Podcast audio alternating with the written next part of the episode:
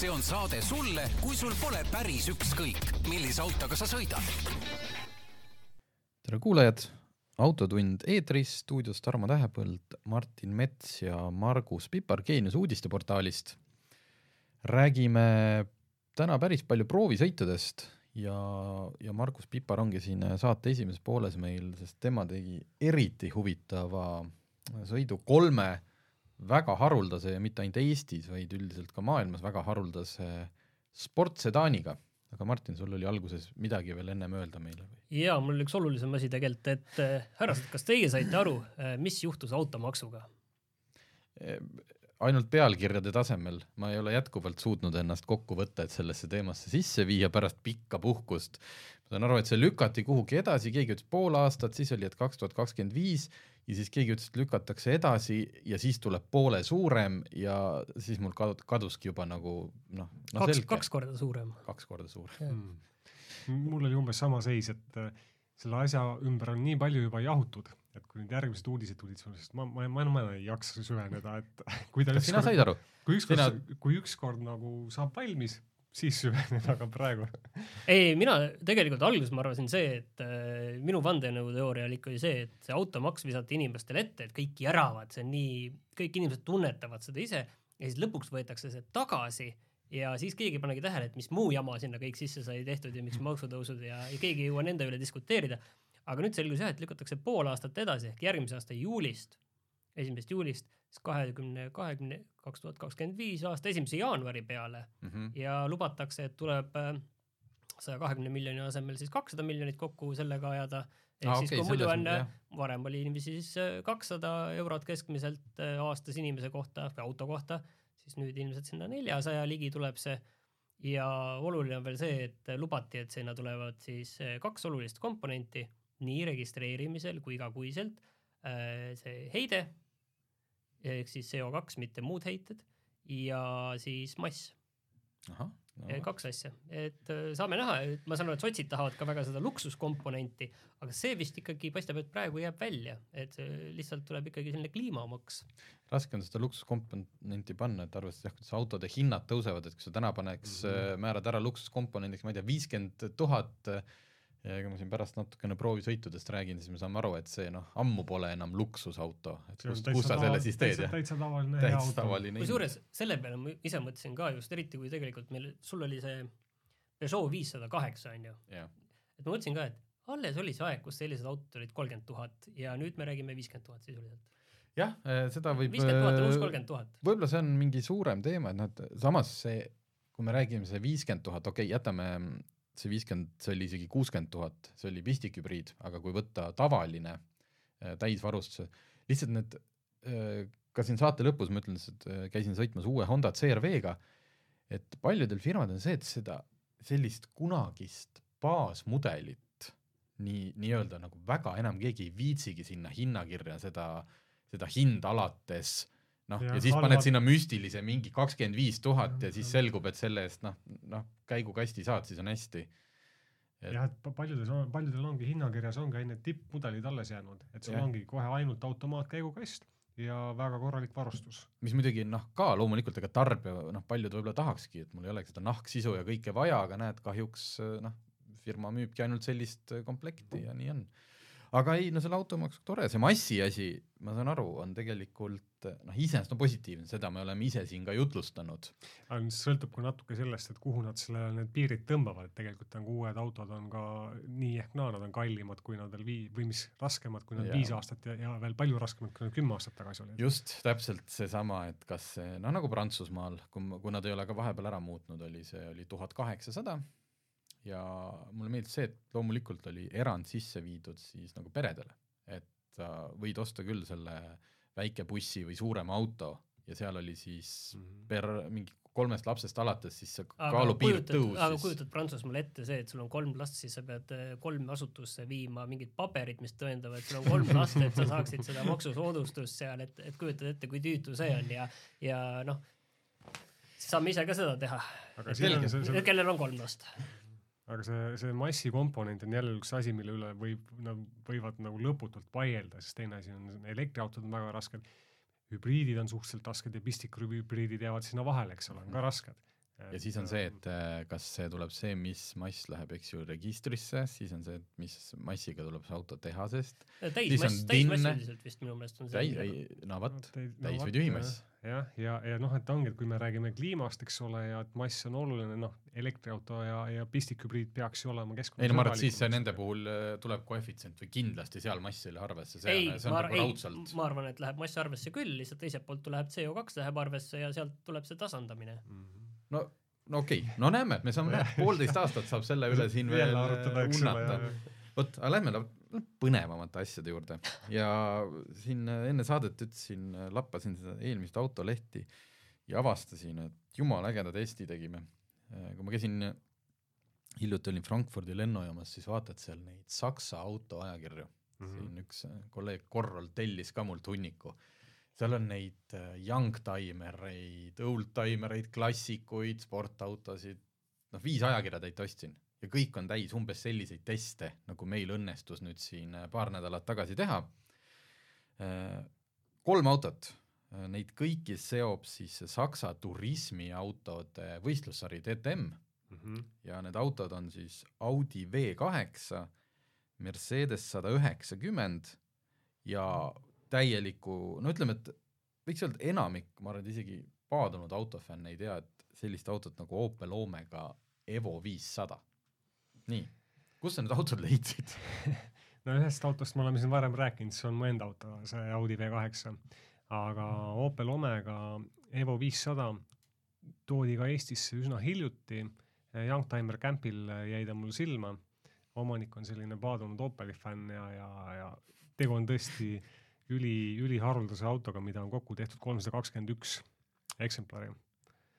ja, ja kui, kes on neid pilte näinud, see lugu on Autogeeniuses ka üleval, minge lugege, et ta näeb isegi agressiivsem välja kui see marukuulus Opel Lotus Omega. jah, sest, sest see auto on nagu päriselt see, et mille põhjal tehti siis ringraja auto, eks ole, tal on siin selle ringraja autoga äh, ühist rohkem äh, ja noh, alates jah sellest, et äh, suur sihuke hästi suured spoilerid on tal nii all kui üleval kui tagaluugi peal, nii et ähm, ta näeb, näeb juba äge, äge välja. aga kuulajale natuke nagu infot anda, et kus kohas need autod täna enda hinna koha pealt paiknevad, et ilmselt need on nagu autod, mis lähevad täna ainult kallimaks. jah, see on täiesti selge.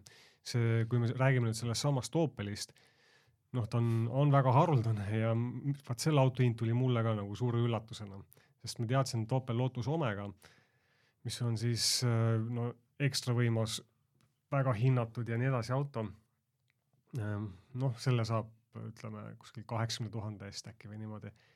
ja selgus, et see Evo viissada, millel on vabalt hingav mootor, millest äh, vähesed teavad, maksab sama palju, et neid on müüdud siin, noh muidugi müüakse väga harva, aga üks auto siin vist oli hiljuti müügil viiekümne tuhandega ja enne seda eelmine auto oli müügil kaheksakümne tuhandega nii et ähm.... et ta on, ta on põhimõtteliselt veel haruldasem kui see Opel Lotus Omega, aga samas ta kiirusomadused ei ole selle Lotus Omegaga sarnased. Äh, ei ole, ei ole jah, et ta on tehtud nagu äh, kurvisõiduks nagu väga heaks, aga mootor on tal vabalt hingav, põhineb äh, Omega kolmeliitrisel mootoril, natuke võimsust juures, aga jah, mootor tal nii, nii, nii kärts ei ole teised autod, äh, Audi V8, kui me räägime lihtsamatest versioonidest, siis need noh, kümne-viieteist tuhandega saab kindlasti juba väga hea.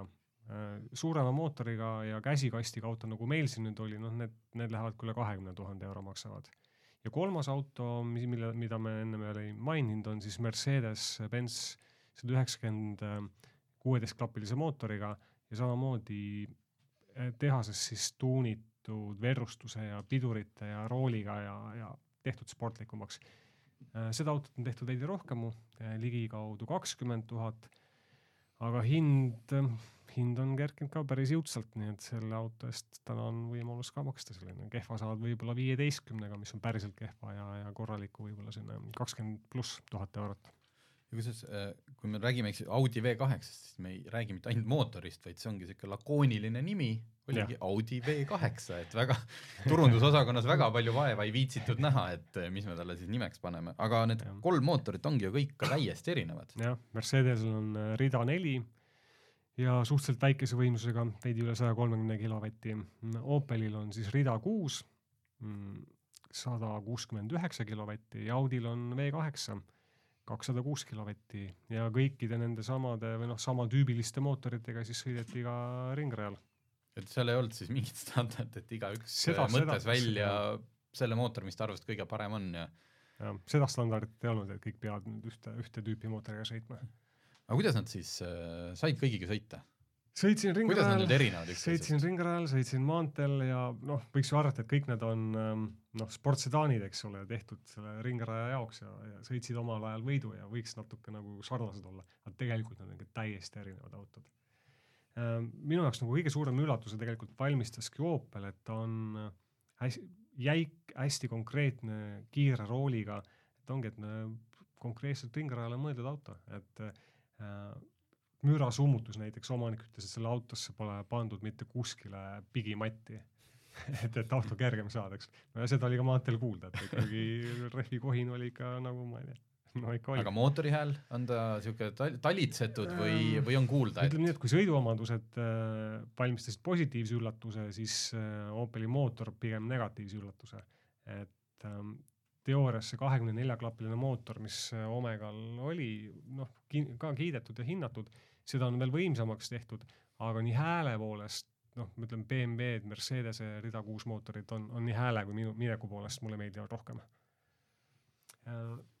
ja mootoritest veel rääkides, siis noh, siin nagu ka võimsuse numbrid näitavad, siis ega siin ei ole küsimust, et Audi V8 mootor oli neist äh, raudselt kõige ägedam.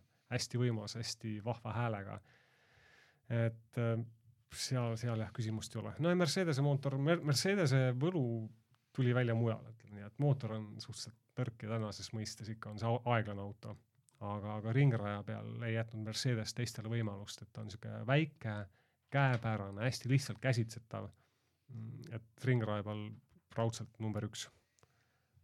jah, tühimassi, tühimassi vahe on Audil ja Mercedesel ikkagi, kui ma siit kiirelt arvutan, mingi seitsesada kilo. eks see tuli tunda ka, et üks, üks ikkagi oli siuke raske siukene.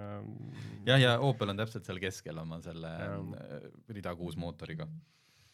ja, ja Audil ju ainukesena nelikvedu, teised tagaveolised. jah, teised olid tagaveolised, et ähm, Audi läks, läks nagu rong, aga kurvist äh, teinekord tahtis otse minna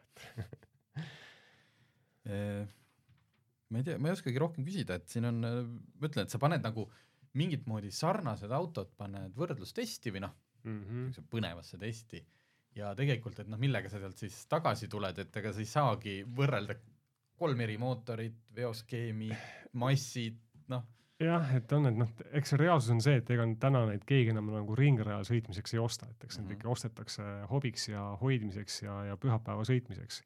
Et ja noh, muidugi oluline on ka paljude jaoks mark, teiste jaoks välimus, eks ole, kolmandad võtavad seda hoopis investeeringuna. et noh, väga lahedad autod on nad igal juhul, ähm, vot äh, minge lugege, vaadake pilte, väga, väga hea testi pani Margus kokku.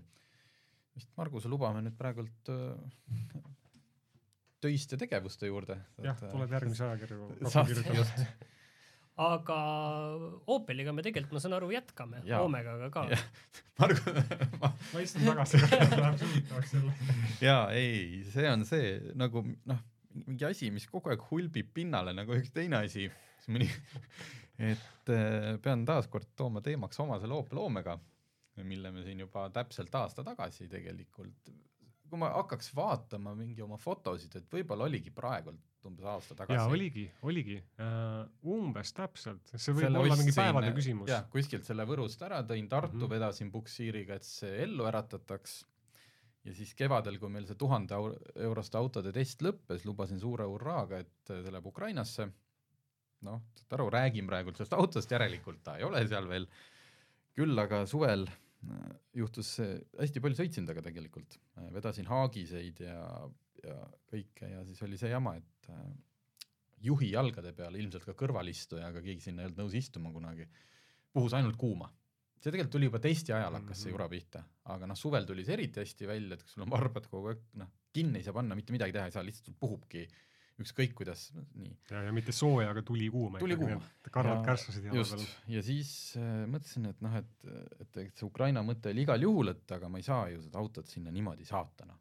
et nad on niigi kannatanud, neil ei ole vaja seda müüa. talv tuleb peale. talv tuleb peale, aga ausalt öeldes isegi talvel ma mootori arvan, kuumust otse nagu ära kasutada, see on selline, tead muidu läheks raisku ja see on väga kliima selline ökonoomne ka. et eh, mõtlesin, et lasen siis korda teha, noh.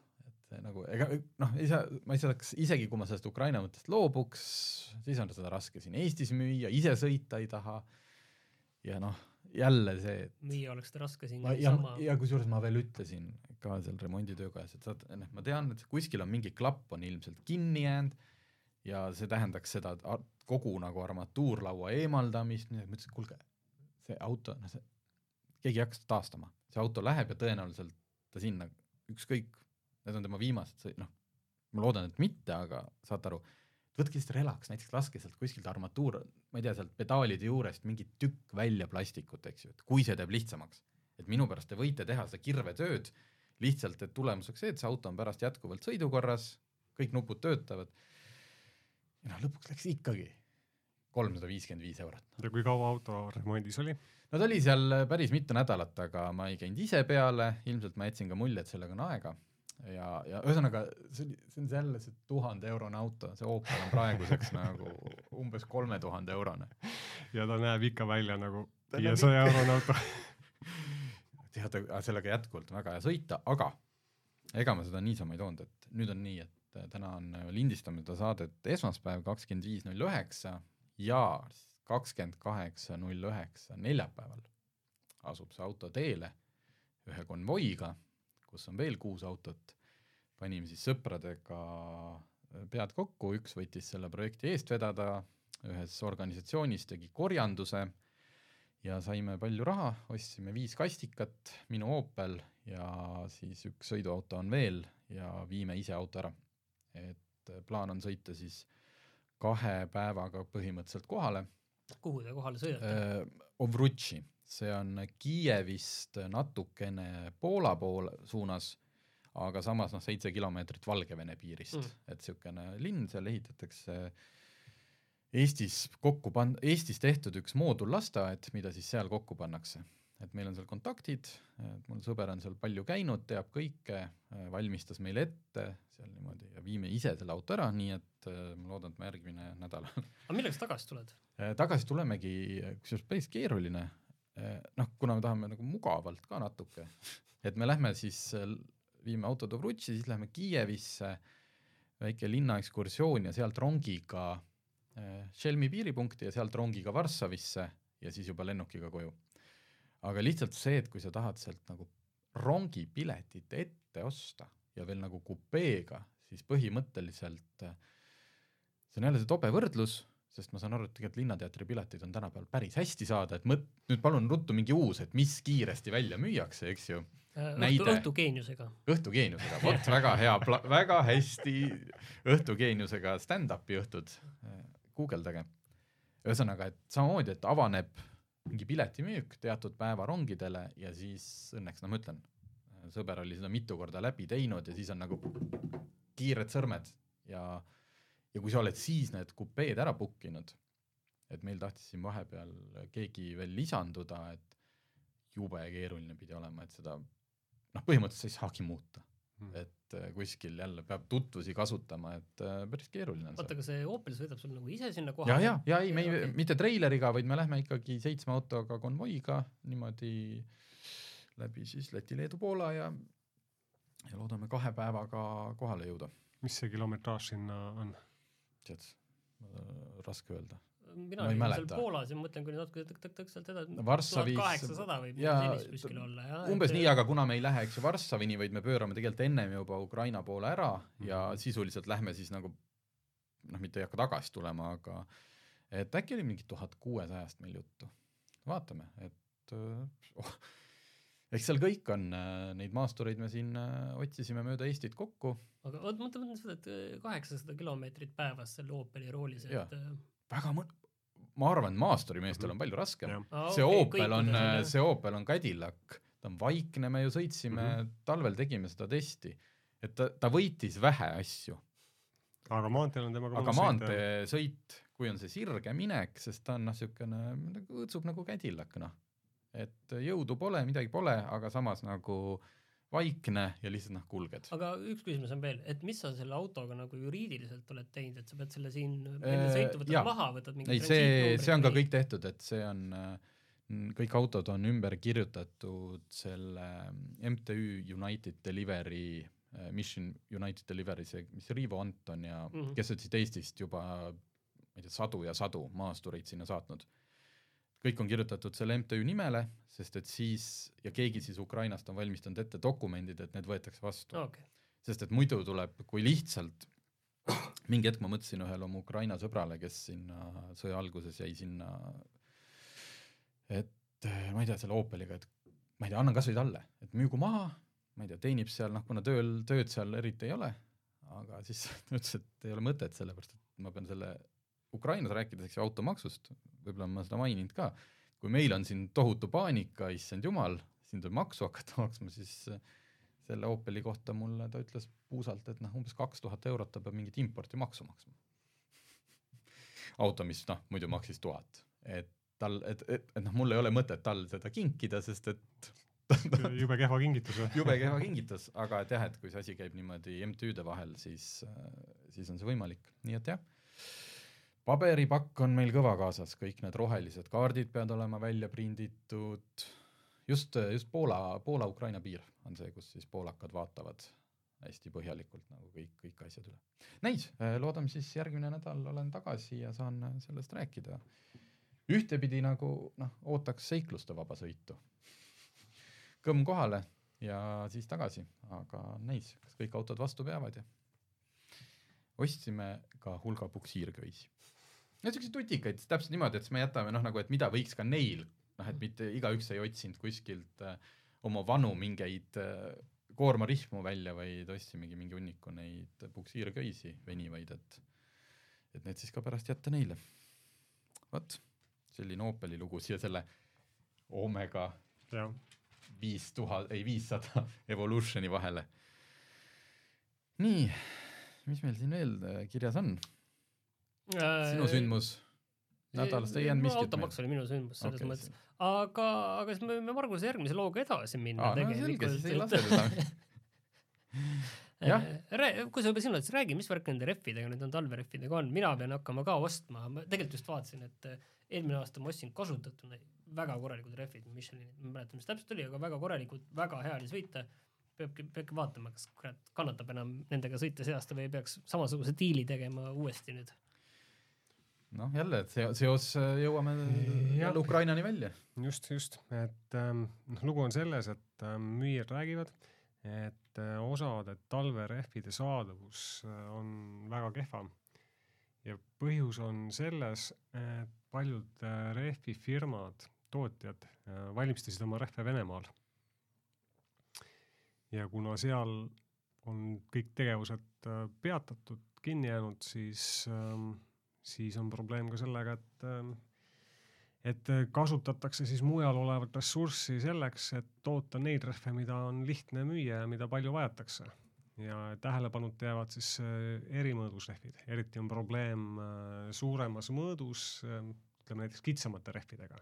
et äh, palju tolle, palju tolle, aga, aga kitsad, näiteks selliseid nagu rehve, Renault kasutab. Näiteks Renault ja näiteks ka elektriautod paljud kasutavad selliseid Jah., neil on vaja, eks ole, saada veeretakistus väiksemaks. aga samas tore, kui auto ilus välja näeks, onju. ja siis ongi, et ähm, et eh, mingi imelikus mõõdus rehve, mida varem ütleme, et mõ- mõni tootja ei paku, siis nüüd võib juhtuda niimoodi, et ei paku keegi. Mhm.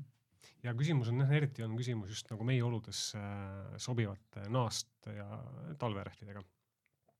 Äh, Nokia müüs enda selle äh, Venemaa tehase maha tegelikult juba, juba eelmine aasta ja seal kindlasti, sealt tuli kindlasti üks suur pauk. Mhm. ja sealt tuleb see jah, see vahe sisse jah, et, et Kesk-Euroopa ja meie nagu vajadused on täiesti erinevad ja palju meid nii-öelda on, eks ju, noh, Skandinaavia Jah. maad, meie ja Suur-Venemaa, kes, kelle turg noh, nüüd öö, kukkus tagant ära. jah, ja ongi. inimeste ja autode hulk tegelikult on siin Jah. regioonis ju väga väike tegelikult, kui mingisse plaani seda üldse nagu panna.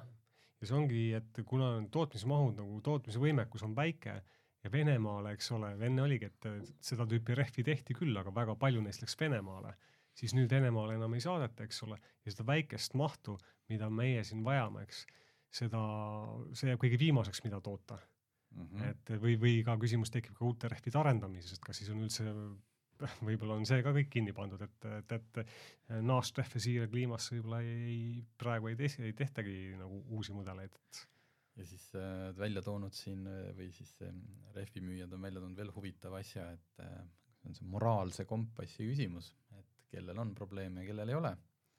Jah, Et et osad, osad rehvifirmad äh, müüvad oma rehve ka Venemaale, eks ole, ja teevad venelastega äri.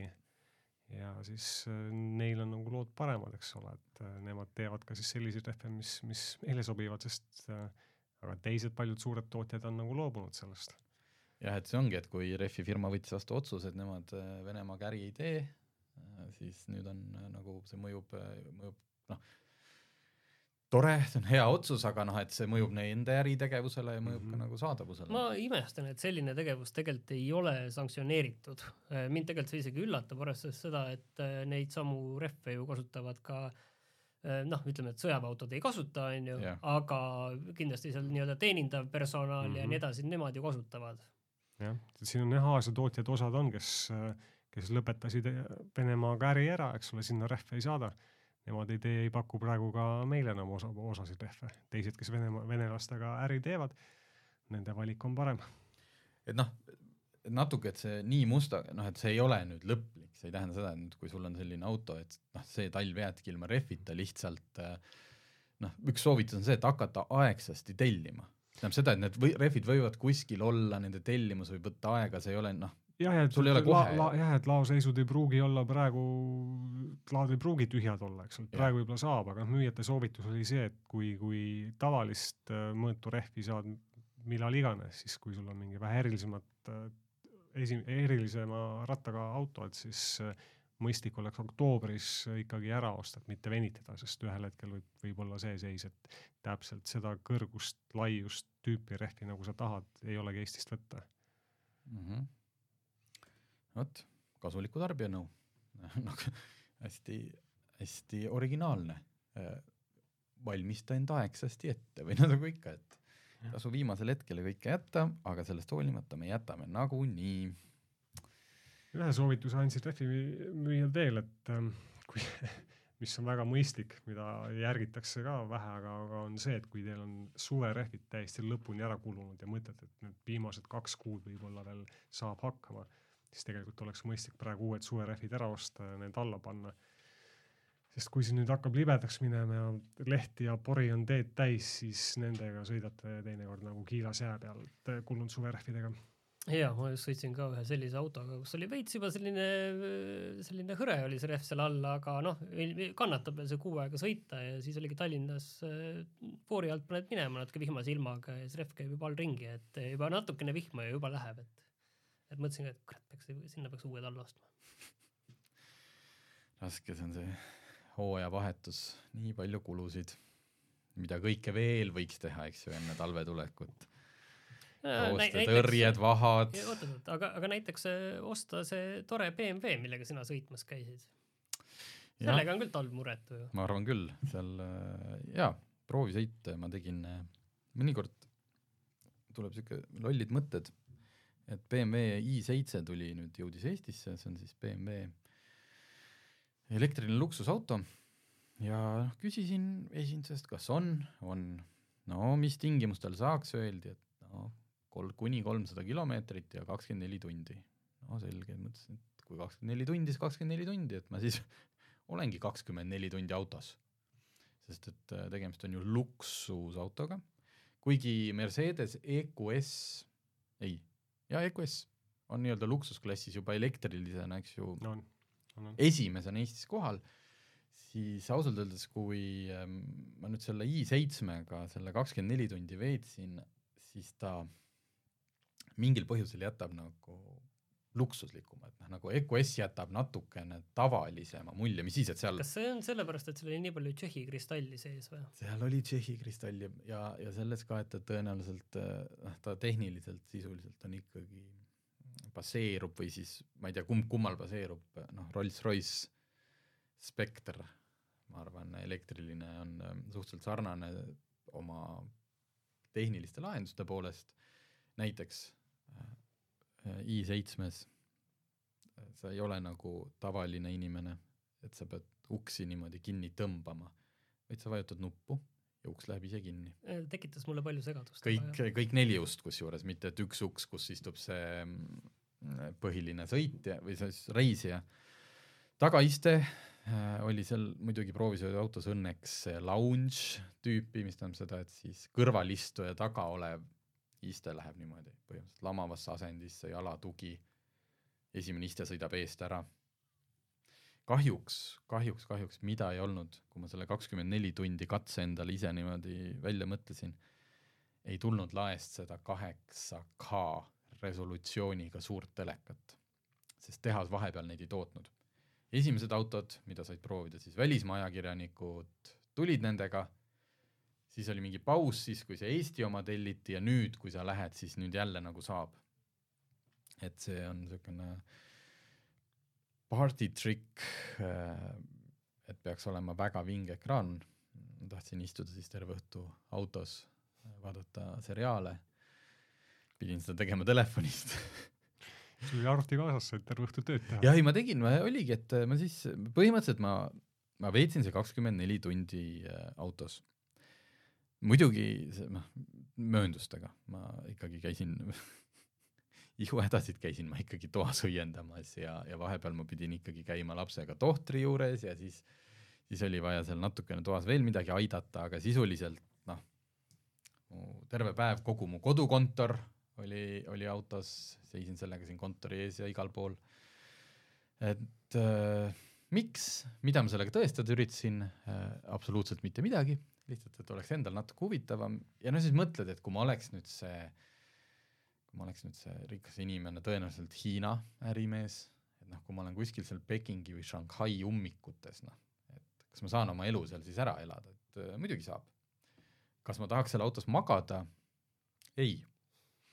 Äh, ma proovisin, et kui sa mõtled, et see noh, see lounge iste, et istud mõnusasti, lased seal, paned masseerima ja siis tegelikult noh, see ei ole ikkagi magamisasend see ei ole selline, kus sa nagu mõnusasti keerad ennast kerra, sest et istme seljatugi on ikkagi püstine, see, et sul jalad seal ees on, nii et eh, noh, alla ma ka ei tahtnud anda. no ei tulnud seal und, und nagu keerad ühte ja teistpidi ja siis ma ikkagi tegin selle, et ma panin istme tavalisse asendisse ja siis magasin seal tagaistmel nagu risti, eh, mis on ka natuke keeruline, sest vaata need noh, istmed on hästi kontuursed. aga kuidas seal, kas äh, poleks mugavam olnud tagaistme ees, kas või on seal ikkagi ma ei tulnud selle peale, aa, et seal on see kesktunnel. kas see on, kui ei ole kesktunneleid, siis äh, seal võib vaata siuke tasane pind olla ma oleks võinud jälle madratsi tooma, vaat seda ja. küll ei tarvi. ei no sellisesse autosse ei ole vaja madratsit tuua. seal on võib-olla vaip, vaip on nii pehme. aa, ja siis oli veel, et äh, õhtul kümne paiku terve internet nagu oli täis seda, aa, virmalised, igal pool on virmalised, mis on Kairo kitsak. vot nüüd minge, ta on seal see, mingid äpid ja kus öeldakse laadisin ka ruttu kõik pere, nii, mis te magate siin, kõik lähme nüüd virmalisi vaatama, laadisin luksus BMW-sse. kõlab nagu unistuste pereisa, aga okei okay.. sõitsin Pikakari randa, kus oli hästi palju autosid ja selliseid inimesi, kes olid kõik lugenud internetti ja no mitte ühtegi virmalist ei näinud meie. viitsinud kaua oodata, aga külm oli. aga äh, nagu ilma naljata, sealt tagasi sõites, siis äh, luban, lapsed said seal nuppudega mängida, mitte nuppudega, vaid ekraanidega, sest tagaistuja juhivad kõiki seal kliimat ja heli saavad juhtida äh, ukse käetoes olevatel ekraanidel. ja kuigi need alguses, kus tuli, oli selline, issand jumal, veel ekraane autosse, nagu miks, siis tegelikult oli see kõige mugavam variant versus see, et paljudel on see mm, eesistuja see peatoes küljes mm -hmm. mingi ekraan, kus sa saad juhtida. või Mersul on äh, keskkonsoolis käetoe sees, noh, sa saad ta sealt ka välja võtta nii-öelda tabletina.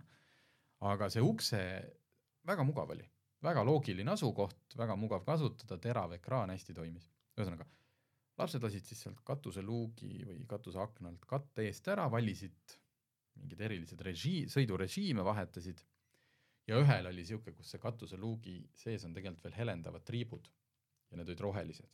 niisugune nagu, sisuliselt nagu ma oleks kuskil mingi lasershow'l olnud, nii et meil olid oma virmalised seal autos kuule, aga nüüd on mul ikkagi üks küsimus. ei, ma tahtsin ühte asja no, veel okay.. kui sa sõidurežiime vajutad, siis äh, expression oli vist kõige niisugune mm, huvitavam, siis need hääled, mida see auto teeb, kui sa kiirendad.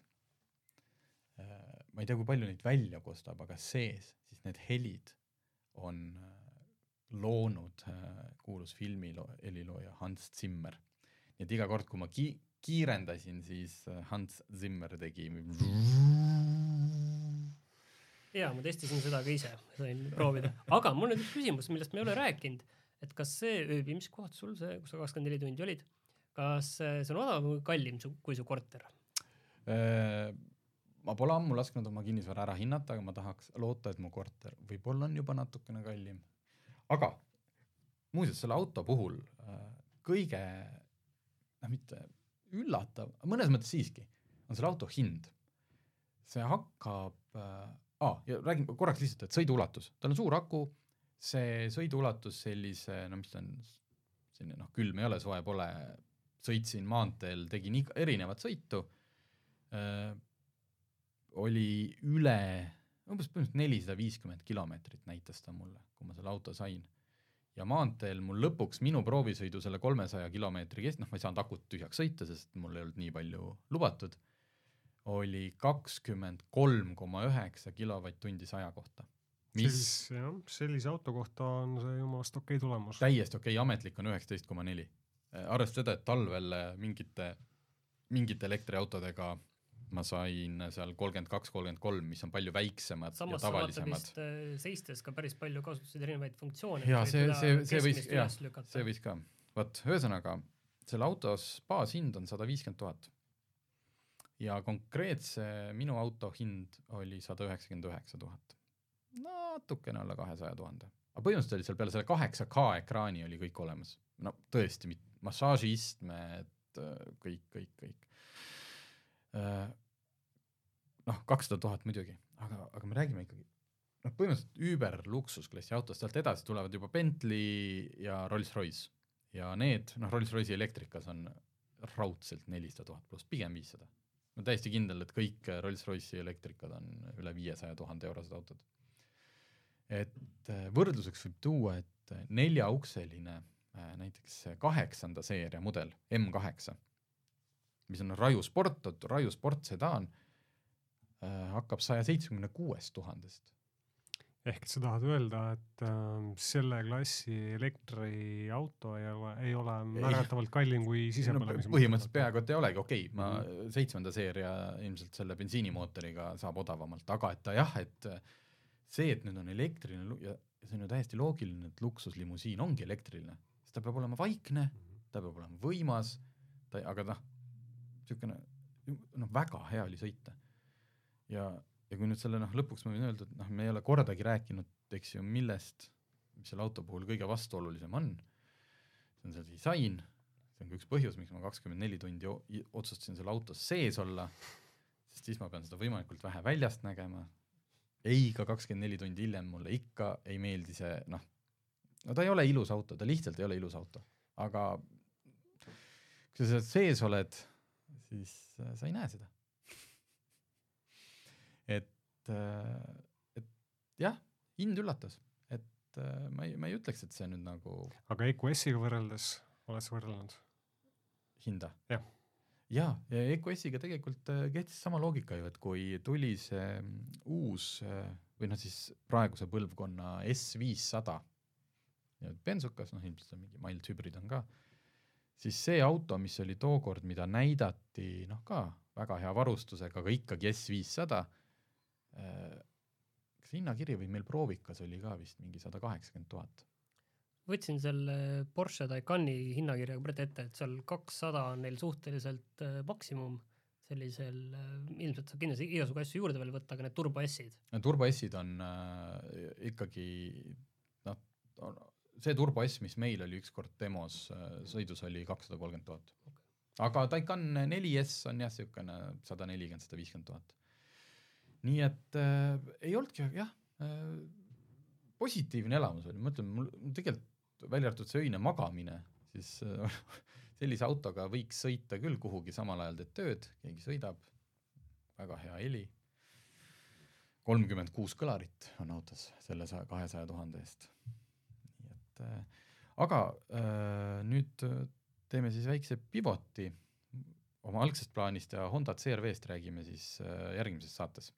sest et äh, tuli teisi teemasid vahele jooksvalt ja ärme saateaega lõhki räägi. vot, aga aitäh, et kuulasite ja teinekord jälle.